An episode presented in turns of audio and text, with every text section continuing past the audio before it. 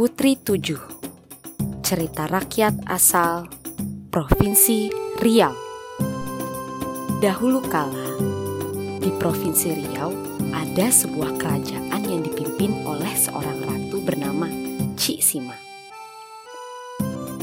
Kerajaan tersebut bernama Kerajaan Seri Bunga Tanjung. Cik Sima mempunyai tujuh orang putri yang memiliki paras yang sangat cantik. Namun, di antara ketujuh putrinya, putri bungsulah yang paling cantik. Ia bernama Mayang Sari. Putri Mayang Sari memiliki keindahan tubuh yang sangat mempesona. Kulitnya lembut bagai sutra, Wajahnya elok berseri bagaikan bulan purnama. Bibirnya merah bagai delima, alisnya bagai semut beriring. Serta rambutnya yang panjang dan ikal terurai bagai mayang. Karena itu, sang putri juga dikenal dengan sebutan mayang mengurai.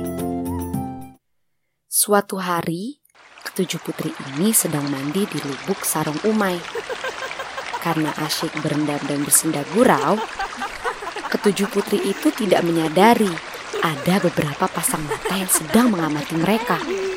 Yang ternyata adalah Pangeran Empang Kuala beserta para pengawalnya yang kebetulan lewat di daerah itu.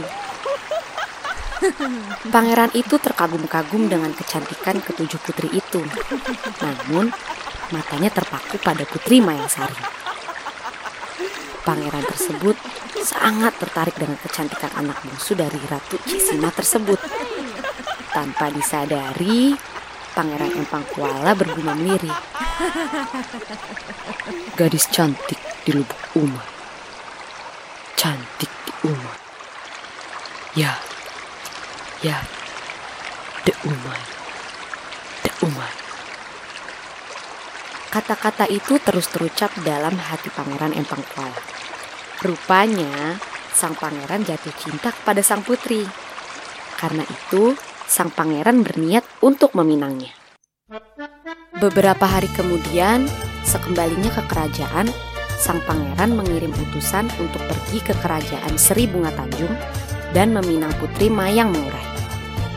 Utusan tersebut mengantarkan tepak sirih sebagai pinangan adat kebesaran raja kepada keluarga kerajaan Seri Bunga Tanjung. Pinangan itu pun disambut oleh Ratu Cisima dengan kemuliaan adat yang berlaku di kerajaan Seri Bunga Tanjung. Sebagai balasan pinangan Pangeran Empang Kuala, Ratu Cisima pun menjunjung tinggi adat kerajaan, yaitu mengisi pinang dan gambir pada combol paling besar di antara tujuh buah combol yang ada di dalam tepak itu. Enam buah combol lainnya sengaja tak diisinya, sehingga tetap kosong. Yang artinya secara adat, Cik Sima menolak dengan halus pinangan kepada putri bungsunya. Karena seharusnya putri tertualah yang harusnya menerima pinangan lebih dahulu. Mengetahui pinangan pangerannya ditolak, utusan tersebut kembali menghadap kepada sang pangeran ampun Baginda Raja. Ha, hamba tak ada maksud mengecewakan Tuan. Uh, keluarga kerajaan Seribu Bunga Tanjung mm, mm, belum bersedia menerima pinangan Tuan uh, untuk memperistrikan putri Mayang mengurai. Mendengar laporan itu, sang raja pun naik pitam karena rasa malu yang amat sangat sang pangeran tak lagi peduli dengan adat yang berlaku di negeri Seri Bunga Tanjung. Amarah yang menguasai hatinya tak bisa dikendalikan lagi. Sang pangeran pun segera memerintahkan para panglima dan prajuritnya untuk menyerang kerajaan Seri Bunga Tanjung. Maka pertempuran antara kedua kerajaan di pinggiran Selat Malaka itu tak dapat dielakkan lagi. Di tengah berkecamuknya perang tersebut, Ratu Ciksima segera melarikan ketujuh putrinya ke dalam hutan dan menyembunyikan mereka di dalam sebuah lubang yang beratapkan tanah dan terlindung oleh pepohonan. Tak lupa pula, sang ratu membekali ketujuh putrinya makanan yang cukup untuk tiga bulan.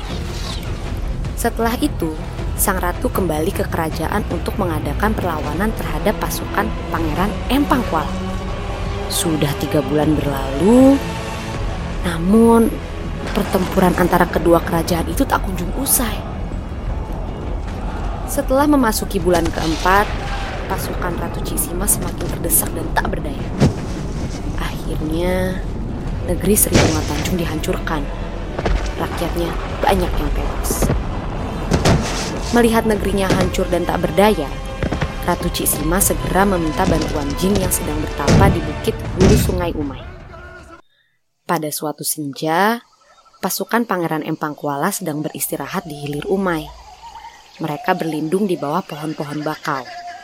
Namun, menjelang malam, terjadi peristiwa yang sangat mengerikan. Secara tiba-tiba mereka tertimpa beribu-ribu buah bakau yang jatuh dan menusuk ke badan para pasukan Pangeran Empang Kuala. Tak sampai separuh malam, pasukan Pangeran Empang Kuala dapat dilumpuhkan.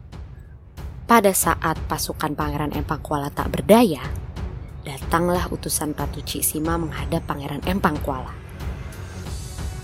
Melihat kedatangan utusan tersebut, sang pangeran yang masih terduduk lemas menahan sakit langsung bertanya. Ah, hai, orang Sri Bunga Tanjung. Apa maksud kedatanganmu ini? Sang utusan menjawab. Hamba datang untuk menyampaikan pesan Ratu Cisima agar pangeran berkenan menghentikan peperangan ini. Perbuatan kita ini telah merusak bumi Sakti Rantau bertuah dan menodai pesisir Seri Bunga Tanjung. Siapa yang datang dengan niat buruk, malapetaka akan banyak. Sebaliknya, siapa yang datang dengan niat baik ke negeri Seri Bunga Tanjung, akan sejahteralah hidupnya. Kata utusan Ratu Cisima menjelaskan. Mendengar penjelasan utusan Ratu Cisima, sadarlah Pangeran Empang Kuala bahwa dirinya lah yang memulai peperangan tersebut.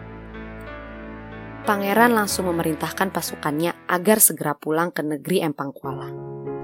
Keesokan harinya, Ratu Cisima bergegas mendatangi tempat persembunyian ketujuh putrinya di dalam hutan.